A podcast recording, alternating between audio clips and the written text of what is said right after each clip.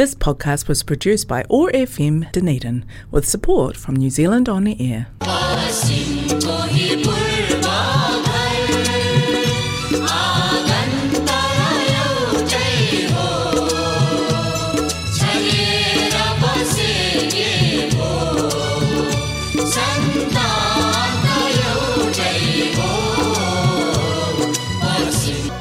नमस्ते। हरेक मङ्गलबार साँझको छत्तिस बजी प्रसारण हुने उठाएको एक्सिस रेडियोबाट सञ्चालित कार्यक्रम हाम्रो आवाजमा म आशिषको सम्पूर्ण श्रोताहरूमा हार्दिक अभिवादन। डनेरी नेपाली समाज प्रस्तुत गर्दछ कार्यक्रम हाम्रो आवाज र यस कार्यक्रमलाई प्रायोजन गरेको छ कनेक्टिङ कल्चर र एथनिक कम्युनिटीले। हाम्रो आवाज ओटेको एक्सिस रेडियो एक सय पाँच थुप्रो चार मेगार्समा हरेक मङ्गलबार न्युजिल्यान्डको समयअनुसार साँझको छ तिसदेखि सात बजीसम्म सुन्न सक्नुहुनेछ भने पोडकास्ट तथा आइटुनबाट तपाईँहरूले आफूले चाहेको बेला सुन्न सक्नुहुनेछ। कार्यक्रम हाम्रो आवाजमा हामीले विभिन्न खालको कार्यक्रमहरू लिएर तपाईँहरू सामु उपस्थित हुन्छौँ। कहिले हामीले साङ्गीतिक कार्यक्रमहरू लिएर आउँछौँ कहिले बाल कार्यक्रम र कहिले हामी हाम्रा पाहुनासँग मिठो गफ गर्नेछौँ। आजको कार्यक्रममा मसँग हुनुहुन्छ सुनिल ढुङ्गेल। र उहाँ डिप्लोमा इन सिभिल इन्जिनियरिङ सकेर क्राइस्टर्समा विगत पाँच वर्षदेखि काम गर्दै आउनु काम गर्दै आउनुभएको छ र हाल उहाँ डनेडिनमा हुनुहुन्छ र डनेडिनमा उहाँले ब्याचलर इन सर्भिङमा अध्ययन गर्दै हुनुहुन्छ र त्यसको साथसाथै पार्ट टाइम आफ्नै फिल्डमा गर्दै हुनुहुन्छ। आउनुहोस् श्रोताहरू म उहाँलाई कार्यक्रममा निम्ताउन चाहन्छु। कार्यक्रममा स्वागत छ सुनिलजी। धन्यवाद दाई डलिरनमा अब आउने प्लान तिन चार वर्षदेखि नै थियो। फाइनली आइपुग्यो। अब अब नयाँ एडभेन्चर सुरु भयो। हेरौँ के के हुँदै जान्छ। धेरै धेरै धन्यवाद हजुरहरूले मलाई यहाँ स्वागत गर्नुभएकोमा सुनिलजी तपाईँलाई स्वागत छ डनेरिनमा हामी सानो नेपाली समाज छ यहाँ र पनि हामी एकजुट भएर अगाडि बढ्ने कोसिस गर्दैछौँ। तपाईँहरू जस्तो नयाँ आउनुभएको भाइ साथीहरूलाई चाहिँ हाम्रो समुदायमा हाम्रो समाजमा र यस कार्यक्रमको माध्यमबाट सबै नेपालीहरूमा म चिनाउन चाहन्छु। बाँकी कुरा फेरि गरौँला। म श्रोताहरूलाई यो एउटा गीत माउन्ट एटेड फोएडबाट मस्की मस्की राख्न चाहेँ।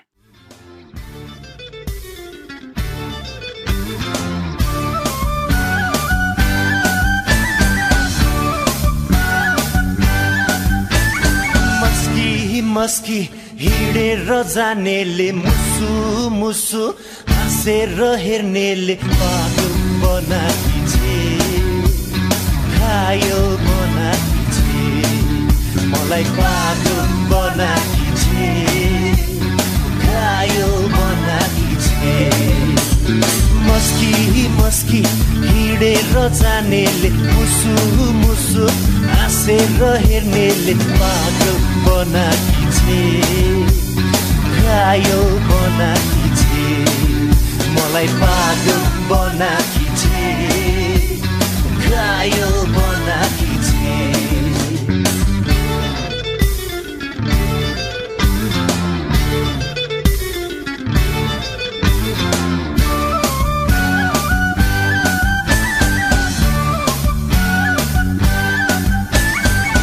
कहिले काहीँ बजारमा उसको हाम्रो भेट हुँदा लुकी लुकी हेर्छे मलाई। कहिले काहीँ बजारमा उसको हाम्रो भेट हुँदा लुकी लुकी हेर्छे मलाई। ऊ जब बोलाउँछ झिस्क्याउँदै आँखाहरू सन्क्याउँछ झिम्क्याउँदै ऊ जब बोलाउँछ झिस्क्याउँदै आँखाहरू सन्क्याउँछ झिम्क्याउँदै मलाई रमाइलो मलाई रमाइलो लाग्छ। रुमाल छाडेर जानेले झुठो माया लाएर जानेले पागल बनाकी छे घायल बनाकी छे मलाई पागल बनाकी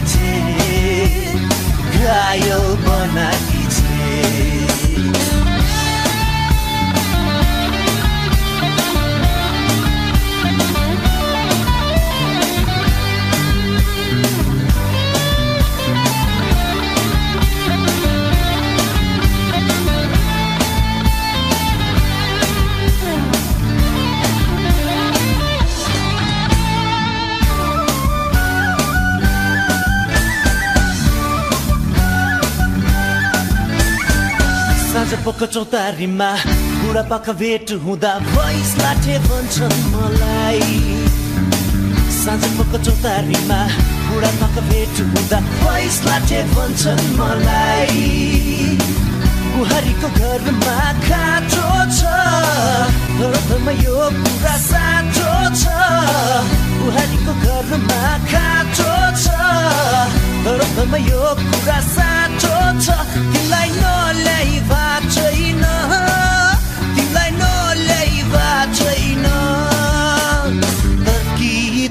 हिँडेर जानेले फर्की फर्की हाँसेर हेर्नेले बाटो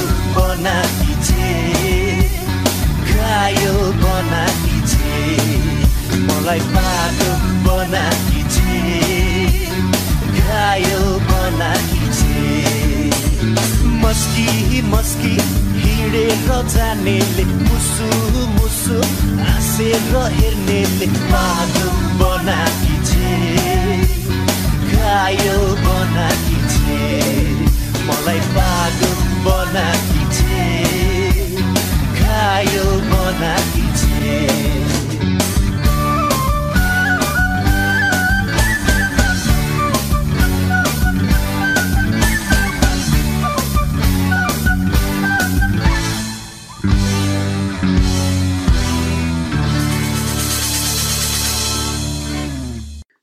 श्रोताहरू भर्खरै सुन्नुभयो तपाईँहरूले माउन्ट एटेड फोइटको मस्की मस्की भन्ने गीत। आजको कार्यक्रममा मसँग हुनुहुन्छ सुनिल ढुङ्गेल र उहाँ डनेदिन आउनुभएको छ आफ्नो हायर एजुकेसनको लागि। त्योभन्दा अगाडि म जान्न चाहेँ सुनिलजी तपाईँले आफ्नो न्युजिल्यान्डको यात्रा कसरी तय गर्नुभयो न्युजिल्यान्डको यात्रा सात वर्ष भए पनि सुन्दाखेरि लामो लाग्छ तर हुन चाहिँ छोटै छ। मैले बाह्र नेपालमा सकाएर चाहिँ फर्दर एजुकेसनको लागि चाहिँ चुज गरेँ। अब मेरो अङ्कलहरू फ्यामिलीहरू न्युजिल्यान्डमा भएको भएर चाहिँ अलिकति त्यसले पनि बायस भएर होला। न्युजिल्यान्ड पिक गरेँ त्यसपछि चाहिँ त्यो हिसाबले चाहिँ आइयो तपाईँले भन्नुभयो तपाईँको अलिकति फ्यामिली पनि हुनुहुन्छ। हजुर। अकल्यान्डमा को अङ्कलहरू भन्नुभयो। हजुर। उहाँहरू आउनुभएको कति भयो? उहाँहरू चाहिँ अब म जन्मिनुभन्दा अगाडि आएको आउनुभएको थियो। त्यो भनेको चाहिँ nineteen ninety four nineteen ninety three. धेरै पहिला आइ आइपुग्नु भएर हजुर। त्यसपछि तपाईँले उहीँदेखि नै म यो इन्जिनियरिङ फिल्ड पढ्छु भनेर आउनुभयो कि यहाँ आइसकेपछि चेन्ज गर्नुभयो। मैले कतिपय साथीहरू साथीभाइहरूलाई देखेको छु। उहाँ नेपालबाट आउने क्रममा चाहिँ विदेश जान पाए हुन्छ जस्तो कुरा गरेर आउनुहुन्छ। कुनै पनि विषयमा आउनुहुन्छ र यहाँ आइसकेपछि चाहिँ अनि विषय परिवर्तन गर्नुहुन्छ। हजुर। तपाईँको केसमा चाहिँ कस्तो छ? मेरो केसमा चाहिँ अब भन्नु नै पर्दा जस्तै अठार वर्षको ठिटोलाई चाहिँ आफ्नो जिन्दगीसँग के गर्ने थाहा हुँदैन। अनि मैले चाहिँ अब मेरो बुवालाई चाहिँ सानैदेखिको उहाँको सपना चाहिँ छोरो इन्जिनियर बनोस्. भन्ने थियो। अनि मैले दस क्लास एघार बाह्र सबै चाहिँ कम्प्युटर फिजिक्समा पढेँ। पढेको हुनाले चाहिँ मेरो यो इन्जिनियरिङ पढ्ने बाटो खुलेको थियो। बुवाले चाहिँ ल बाबु पढ्छस् त भनेर भन्दाखेरि चाहिँ हुन्छ भनेर त्यो त्यो बेलामा यतिकै हुन्छ भनिदिइ नै हालेँ. अनि न्युजिल्यान्डमा चाहिँ राम्रो एउटा कलेज थियो पोलिटेक अकल्यान्डमा युनिटेक त्यहाँ आइयो। दुई वर्ष पढेपछि चाहिँ पढाइ चाहिँ सकाइयो। तर सकाएपछि पनि मेरो त्यस्तो प्लान चाहिँ थाहा थिएन म के गर्छु अगाडि कसरी बढ्छु। त्यो एकदम कङ्क्रिट प्लान चाहिँ भइसकेको थिएन। त्यसपछि चाहिँ म फेरि काम गर्न थालेँ। लकिली मैले काम साम पाएर चाहिँ पाँच वर्ष काम गरेपछि चाहिँ मलाई अलिकति बढी आइडिया भयो। म ठिक छ मसँग यस्तो स्किल रहेछ म यहाँ जान सक्छु यहाँ जान सक्छु. अलिअलि बाटो खोल्यो।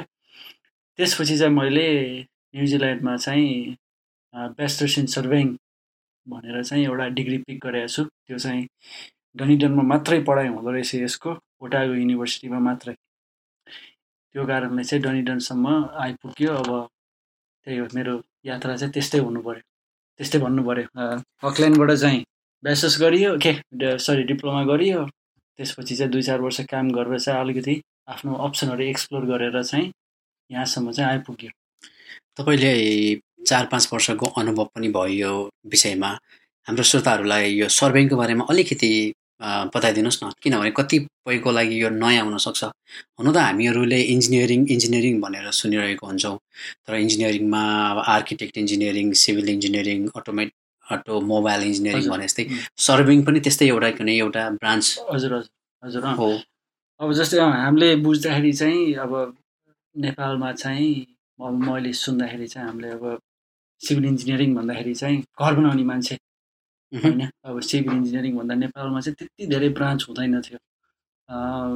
अनि यहाँ आएपछि चाहिँ जस्तै अब तपाईँले एउटा सिभिल इन्जिनियरिङ पढेपछि त्यसको पनि एकदम धेरै ब्रान्चहरू छन्। Fire engineer structural engineer geotech engineer होइन वान अफ द टपिक चाहिँ अल्सो सर्वेयर सर्वेयर भनेको चाहिँ एउटा इन्जिनियरिङको बेसिक फाउन्डेसनै भन्नु पर्ला। किन भन्दाखेरि चाहिँ सर्वेयरले चाहिँ नाप्ने होइन अब तपाईँको जग्गा नाप्ने यहाँ त्यहाँ गरेर चाहिँ त्यो वान अफ द बेसिक कुरा हो। तर न्युजिल्यान्डको सिस्टम चाहिँ अलिकति डिफ्रेन्ट भएको हुनाले चाहिँ यिनीहरूले सर्वेइङलाई इन्जिनियरिङमा नराखेर एउटा आफ्नै छुट्टै डिग्री डेभलप गरेको छ जुन चाहिँ Australia UK Middle East South East Asia यिनीहरूमा चाहिँ एकदम फेमस छ यो डिग्री एकदम मान्यता दिएको छ त्यही भएर केही गरी कसैले चाहिँ यो क्वालिफिकेसन छ भने चाहिँ दुनियाँको मोस्टली जुनै पनि कुनामा काम पाउने चाहिँ एकदम सम्भावना। धेरै नै। छ श्रोताहरू अब म कार्यक्रममा फेरि अर्को गीत राख्न चाहेँ र यो गीत रहेको छ नेपथ्य ब्यान्डबाट अमृत गुरुङको आवाजमा यो जिन्दगानी।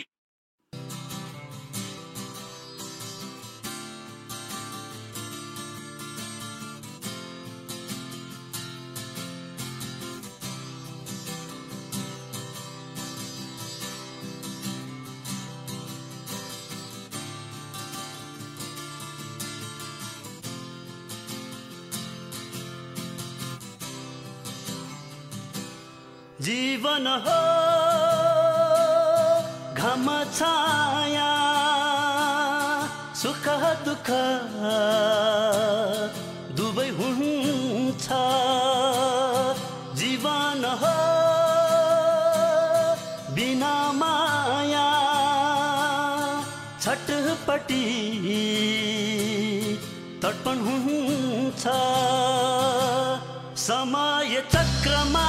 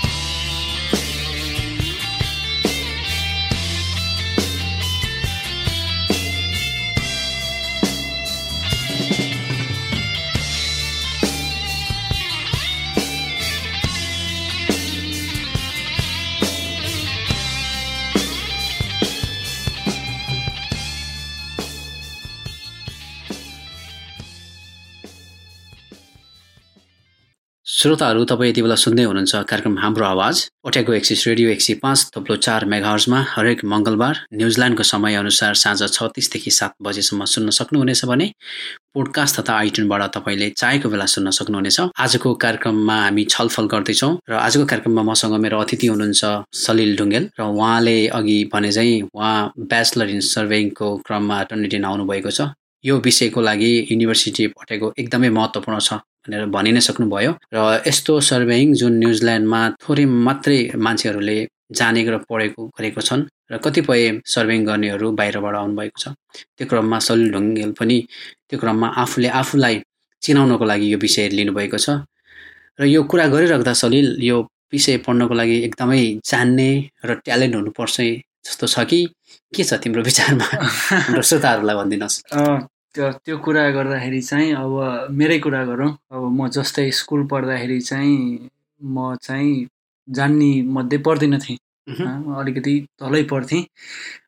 सात आठ नौ क्लास चाहिँ अलिकति मेरो लागि गाह्रै नै कुरा थियो। खालि मैले दस क्लास पुगेर मात्र चाहिँ ए यार यो त एसएलसी हो है पढ्नुपर्छ भनेर चाहिँ बल्ल अलिकति ध्यान दिन खोजेँ अलिकति पढ्न खोजेँ अनि एसएलसी पास गरियो। अनि त्यो एसएलसी पढ्दाखेरि चाहिँ मलाई के रियलाइज भयो भन्दाखेरि ओहो पढ्दा पढ्नलाई त यति टाइम खर्च गर्नुपर्दो रहेछ होइन? अलिकति चाहिँ ध्यान दिनुपर्ने रहेछ। तर मैले सात क्लासदेखि नौ क्लाससम्म त पढेकै थिइनँ कि। मेरो दिमाग चाहिँ ब्ल्याङ्क नै थियो मानव। अथवा अरू केही कुरामा इन्गेज थियो। अरू फुटबल फुटबल मेन चाहिँ अब फुटबलै भन्नु पर्यो आउटडोर एक्टिभिटी फुटबल अलिकति त्यस्तै चकचके भनेर त्यो बदमास गर्ने यताउता चाहिँ म गर्दिनँ। थिएँ खालि पढाइमा चाहिँ ध्यान नदिने। त्यसो गर्दा चाहिँ अलिकति स्पोर्ट्समा चाहिँ जान्थेँ अब फुटबल खेल्थेँ क्रिकेट खेल्थेँ बास्केटबल खेल्थेँ ह्यान्डबल खेल्थेँ हकी खेल्थेँ त्यो सबै कुरामा स्कुलमा समय पढाइको लागि कम भयो। जहिले पनि कम नै भइरह्यो। अनि जति नै ट्युसन पढे पनि जति नै जे पढे पनि कहिले पनि त्यो मेरो त्यो पढाइ पढ्ने तरिका चाहिँ कहिले पनि राम्रो भएन। तर पछि चाहिँ अलिकति यहाँ आइसकेर अलिकति एक दुई वर्ष पढिसकेर रियलाइज भएपछि चाहिँ त्यही हो सज सजिलै हुँदो रहेछ। आफूले गर्छु जान्छु पढ्छु भनेर पढेपछि चाहिँ त्यो सजिलै हुन्छ। जसैको लागि पनि हो मेरो लागि हो भने यो जसैको पनि लागि हो। पक्कै पनि। हाम्रो कार्यक्रम सुनेर बस्नुभएको श्रोताहरू जो हुनुहुन्छ उहाँहरूलाई तपाईँ कस्तो खाले सन्देश दिन चाहनुहुन्छ? अथवा भनौँ भोलिको दिनमा नेपालबाट न्युजिल्यान्ड पढ्न आउने साथीभाइहरू बहिनीहरू कति हुनुहुन्छ होला होइन? अब ओमिक्रोनको बिस्तारले प्रभाव घट्दै गइसकेपछि बोर्डर खुला भइसकेपछि आउने क्रम जारी हुनुहुन्छ होला र हाम्रो कार्यक्रम सुनेर बस्नुभएका नेपालमा हुने श्रोताहरूको लागि पनि तपाईँ कस्तो सन्देश दिन चाहनुहुन्छ? नेपालमा कस्तो सन्देश भन्दाखेरि चाहिँ अब उहाँहरू के पढ्न आउनुहुन्छ होइन? अब उहाँहरू चाहिँ मोस्टली यहाँ हाम्रो नेपाली दाजु दा दाजुभाइ दिदीबहिनीहरू चाहिँ आइटीमा आउनुहुन्छ हस्पिटालिटी हस्पिटालिटीमा आउनुहुन्छ यताउतामा आउनुहुन्छ तर त्यो त्यसरी त्यो ए यो सजिलो हुन्छ म यो पढ्छु भनेर आउनु भएन। न्युजिल्यान्डलाई के चाहिएको छ? होइन? किन भन्दाखेरि अब हजुरलाई सजिलो लागेको कुरा पढ्यो भने पछि यहाँ आएर चाहिँ ल पिआर पाऊँ यहीँ बस्नु यहीँ सेटल हुनलाई चाहिँ गाह्रो हुन्छ। किन भन्दाखेरि त्यो कुरा न्युजिल्यान्डलाई चाहियो हुँदैन। पक्कै पनि। होइन अब हजुरले अब "म ठिक छ म आर्ट्स पढ्छु भनेर आएर चाहिँ ठिक छ पस पढ्दाखेरि पास गर्नु सबै कुरा सजिलो हुन्छ। त्यसपछिको सबै कुरा गाह्रो हुन्छ। होइन अब तपाईँले चाहिँ अलिकति रिसर्च गरेर ल ठिक छ म नर्सिङ पढ्छु। न्युजिल्यान्डमा के के चाहिएको छ के के स्किल चाहिएको छ म साइन्टिस्ट बन्छु दाइ जस्तो। किनभने म इन्जिनियर बन्छु म केही होइन आइटी पढ्छु अलिकति। त्यो अलिकति माइन्ड अलिकति रिसर्च गरेर अलिकति के चाहिँ चाहि त्यहाँ के चाहिँ स्किल सर्टेज छ के चाहिँ अर्को पाँच वर्ष अर्को दस वर्षमा के चाहिँ त्यहाँ ग्रो हुँदैछ त्यो अलिकति रिसर्च गरेर आयो भने चाहिँ धेरै सजिलो हुन्छ। मेरो विचारमा न्युजिल्यान्ड चाहिँ कस्तो भन्दाखेरि चाहिँ डेभलप देशमा गनिन्छ तर मलाई मलाई जहाँसम्म लाग्छ खासै डेभलप भइसकेको छैन। किन भन्दाखेरि चाहिँ हामी अब दस मिनट ड्राइभ गरेर गयो भने खाली छ। खाली जग्गाहरू छ। धेरै खाली जग्गाहरू छ। यहाँ चाहिँ डेभलप हुने ठाउँ एकदम बढी छ। सम्म खाली सबै इन्फ्रास्ट्रक्चर सबै रुलहरू ठाउँमा छ अब यो खालि यो ठाउँलाई के चाहिएको छ? पपुलेसन चाहिएको छ। होइन त्यो त्यही भएर चाहिँ मैले मैले देखेकोमा चाहिँ अब कन्स्ट्रक्सन होइन नर्सिङ। डक्टर आइटी आइटी पनि फेरि त्यो हामीले अर्को कुरा के बुझ्नु पऱ्यो हाम्रो यहाँ धेरै नेपाली दाजुभाइहरू हुनुहुन्छ आइटी पढ्न आउनुहुन्छ तर उहाँहरूको मेन्टालिटी चाहिँ अब हाम्रो नेपालको हिसाबमा पढ्छौँ। होइन किन भन्दाखेरि चाहिँ हामीले यहाँ आइसकेपछि हाम्रो एउटा डिसएडभान्टेज चाहिँ के हुन्छ हामी यहाँको गोरेहरूसँग कम्पिट गर्नुपर्छ त्यो गाह्रो कुरा हुन्छ होइन? त्यही भएर चाहिँ हामीले नेपालको पढाइले आएर यहाँ कम्पिट गर्न चाहिँ धेरै गाह्रो हुन्छ। हामीले नेपालमा पढ्दाखेरि सबै कुरा पेपरमा लेखेर पेनमा लेखेर पढ्छौँ। यहाँ आएर चाहिँ अब ल ठिक छ यो सफ्टवेयरमा हामीलाई यो गर त्यो गर भन्दाखेरि चाहिँ गाह्रो हुन्छ। त्यही भएर। हामीले नेपालमा पढ्दाखेरि चाहिँ पढेको सबै कुरा ठिक छ तर हामीले त्यसलाई चाहिँ इम्प्लिमेन्ट गर्न सिकेर आउनु पऱ्यो त्यही भएर मेरो मेरो सजेसन चाहिँ त्यही हुन्छ। नेपालमा पढेको ठिक छ। पढेपछि चाहिँ दुई चार वर्ष काम गर्नुहोस्। अलिकति आफ्नो अनुभव बढाउनुहोस्। अलिकति सफ्टवेयरहरू जान्नुहोस्। अनि यहाँ आएर चाहिँ फर्दर एक दुई वर्ष पढेर चाहिँ अनि कामसाम खोज्दा चाहिँ अलिकति सजिलो हुन्छ जस्तो मलाई लाग्छ। धन्यवाद सलिद। सल्लाह र सुझावको लागि। पक्कै पनि हाम्रो कार्यक्रम सुनेर बस्नुभएको श्रोताहरूले यो मनन गर्नुभयो होला। कति विषयहरू छ जुन हामीले सिधै हेर्दा देखिँदैन तर भोलिको दिनमा भित्र गएर डुब्दाखेरि चाहिँ न्युजिल्यान्डलाई चाहिएको र त्यो स्किल सर्टेजको विषयहरू छन् तिनीहरूमा ध्यान दियो भने आफ्नो करियर त राम्रो हुन्छ हुन्छ पक्कै पनि र न्युजिल्यान्ड गभर्मेन्टलाई पनि हाम्रो तर्फबाट चाहिँ इनपुट हुन्छ। श्रोताहरू अब सर्भेइङको कुरा अलिकति साइडमा राखेर म सुनिल ढुङ्गेलजीसँग जान्न चाहेँ। हबी केमा छ? तपाईँको रुचि अब तपाईँको यो सर्भेइङ पछाडिको समय केमा बिताउनु बिताउनु? सर्भिङ काम पछाडिको समय चाहिँ मोस्टली साथीभाइहरूसँग फुटबल खेलिन्छ। अनि हप्ताहरूमा चाहिँ अलिक छुट्टी भएको बेलामा चाहिँ अलिकति वेदर यहाँको राम्रो भएको बेला चाहिँ अलिअलि चाहिँ पाहाडहरू चढ्न गइन्छ हाइकिङ साइकिङ गरियो। यसो नयाँ ठाउँ घुम्यो। त्यसरी बित्छ। न्युजिल्यान्डमा कुन कुन हाइक गर्नु भएको छ त? न्युजिल्यान्डमा धेरै हाइकिङहरू छ होइन? हजुर। कुनै नाम लिनु पर्यो भने तपाईँलाई मन परेको तपाईँले चढेको त्यस्तो बेस्ट ट्रेकहरू कुन कुन रहेको छ त? बेस्ट ट्रेकहरू अब न्यु- न्युजिल्यान्डमा मैले चाहेको जति धेरै चाहिँ गरेको छैन जस्तो मलाई लाग्छ तर तर गर्न विचार पक्कै पनि छ। विचार छ अँ विचार चाहिँ पक्कै बनाइसकेको छु। मैले मलाई मलाई तिनवटा चाहिँ एकदम फेभरेट चाहिँ मेरो तिनवटा छ। एउटा चाहिँ नर्थ आइल्यान्डमा चाहिँ केप केप ब्रेड भन्ने हाइक छ सोह्र किलोमिटर लामो। अनि त्यो एकदम एकदमै राम्रो थियो। त्यो डाँडाको टुप्पो टुप्पो टुप्पोबाट हिँडेर चाहिँ एउटा सानो लाइट हाउसमा पुगिन्थ्यो। अनि फेरि त्यहाँ रात बितायो आगो सागो बालेर खानासाना खाएर फर्क्यो। एउटा त्यो एकदम राम्रो थियो। अर्को चाहिँ अनि म दुई तिन वर्ष अकल्यान्डमा बसेर क्राइस्ट चर्च मुभ भएपछि चाहिँ एउटा आर्थर्स पास भनेको चाहिँ ठुलो डाँडा थियो। डाँडामाथि पनि त्यो पनि अर्को एउटा एकदम च्यालेन्जिङ र राम्रो राम्रो उकालो थियो।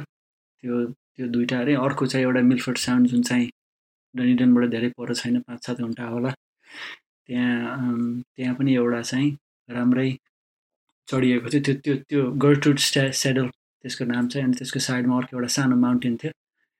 त्यो पनि यसो खोरेर माथि गएर आइएको थियो तर माथि बाँदर लागेको भएर चाहिँ टुप्पोसम्म पुग्न पाइएन। त्यो तिनवटा चाहिँ फेभरेट भन्नु पर्ला त्यही त श्रोताहरू न्युजिल्यान्ड प्राकृतिक सौन्दर्यले भरिएको देश। यसमा हामीले आफ्नो काम आफ्नो पढाइको साथसाथै यो देशलाई यो देशले दिएको यो देशमा भएको प्राकृतिक सौन्दर्यको अनुभव र अवलोकन गर्न सक्यो भने पनि धेरै राम्रो हुनेछ जुन यहाँ सुनिलजीले भर्खरै व्यक्त गर्नुभयो। र त्यो बाहेक तपाईँले फुटबलको पनि कुराहरू गर्नुभयो फुटबल पनि खेल खेल्छु भन्नुभयो होइन? हजुर।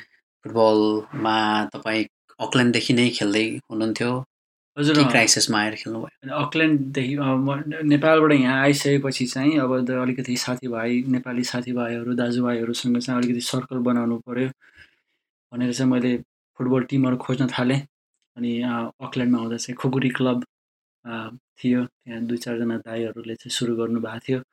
अनि उहाँहरूसँग गएर चाहिँ मैले तिन चार वर्ष खेलेँ। हामी सन्डे सन्डे लिग खेल्थ्यौँ। त्यो लिग चाहिँ सबैजनाको लिग। त्यो सन्डे लिग खेल्थ्यौँ। अनि चाहिँ सालको एकचोटि चाहिँ नानी कप भनिन्थ्यो। त्यो बेलामा अहिले टिएचसी भनिन्छ तेन्जिङ हिलारी कप। त्यसरी चाहिँ सालमा एकचोटि चाहिँ एटलिस्ट नेपाली दाजुभाइहरूसँग देशभरिको नेपालीहरू जम्मा भएर चाहिँ यसो कम्पिटिसन गरेर खेल्थ्यौँ। त्यसरी अकल्यान्डबाट सुरु गरेँ। त्यहाँ दाईहरू भाइहरूसँग खेलेँ तिन वर्ष। त्यसपछि क्राइस्ट चर्च मुभ भएपछि चाहिँ त्यहाँ पनि अर्को हाम्रो नेपाल युनाइटेड भनेर चाहिँ दाजुभाइहरूले बनाउनु भएको छ। त्यहाँ खेलियो। त्यहाँ पनि तिन वर्ष खेलियो। अब अब आएको छु यहाँ पनि अब दाईसँग भेट भयो। बिस्तारै अब यहाँ पनि खेलिन्छ होला। पक्कै पनि सुनिल खेलकुदको माध्यमबाट अथवा विभिन्न रुचिको माध्यमबाट हामीले एकअर्कालाई भेट्ने र नजिक हुने प्रयास गरिरहेका हुन्छौँ। विदेशमा भएर पनि विदेशमा नभएको अनुभव गर्नको लागि आफ्नो रुचिअनुसार आफूले खोज्ने गरिन्छ समाज भाषा साहित्य। त्यसमा तपाईँले अब स्पोर्ट्सको माध्यमबाट चाहिँ भनौँ न मसँग भेट हुन गयो होइन? अब हाम्रो डन्डिनको कुरा गर्नुपर्दा हाम्रो डन्डिनमा पनि सानो फुटबल क्लब अथवा मानव मेची महाकाली भनेर अहिले नाम दिएका छौँ छ। यसमा तपाईँलाई पक्कै पनि स्वागत छ। तपाईँको कुरा मैले अरू साथीहरूको माध्यमबाट पनि सुनिरहेको थिएँ। तपाईँ साह्रै राम्रो हुनुहुन्छ खेलकुदमा स्पोर्ट्समा। र फेरि पनि तपाईँलाई म डन्डिनमा स्वागत गर्न चाहन्छु। धन्यवाद र हाम्रो मेची महाकाली क्लबमा पनि तपाईँलाई स्वागत छ। धेरै धेरै धन्यवाद। श्रोताहरू अब म तपाईँहरूलाई आजको कार्यक्रमको निर्धारित समय सकिन लागेको जानकारी दिन चाहन्छु। सलिलजी जाँदा जाँदै केही भन्न चाहनुहुन्छ हाम्रो श्रोताहरूलाई? धेरै धेरै धन्यवाद तपाईँहरूले जहाँबाट दुनियाँको जुन कुनाबाट सुनिरहनु भएको छ। यदि अब यनि कसैले दनिजनबाट सुनिरहनु भएको छ भने हजुरहरूलाई छिटो चाँडो कहिले भेट होला। म एकदम त्यसको लागि इच्छुक छु। इच्छुक छु। एकदम भेट्नको लागि। भेट्नको लागि इच्छुक छु। अब यहाँको यहाँ डनिजनमा हुनुभएको नेपाली दाजुभाइहरूलाई छिटै भेटौँला। अरूतिर भएर सुनिरहनु भएको स्टुडेन्टहरू हुनुहुन्छ भने चाहिँ मेरो केही एक्सपिरियन्सले अलिकति हेल्प भयो होला। त्यसको लागि चाहिँ त्यही हो। मेरो कन्क्लुजन चाहिँ यहाँ आउनु अगाडि अलिकति आफ्नो रिसर्च गर्नुहोस् अनि चाहिँ त्यही हो। सबै कुरा अलिकति सजिलो हुन जान्छ। श्रोताहरू जाँदा जाँदै हाम्रो आवाजका प्रायोजक कनेक्टिङ कल्चर र यो आवाज तरङ्गित गराउने ओटाको एक्सिस रेडियोलाई धन्यवाद दिन चाहन्छु। आउँदो मङ्गलबार साढे छ बजे फेरि भेट्ने भाषाका साथ प्राविधिक मित्र जफ अ, म आशिष र मेरो अतिथि सलिल आजको कार्यक्रमबाट बिदा हुन चाहन्छौँ नमस्ते शुभरात्रि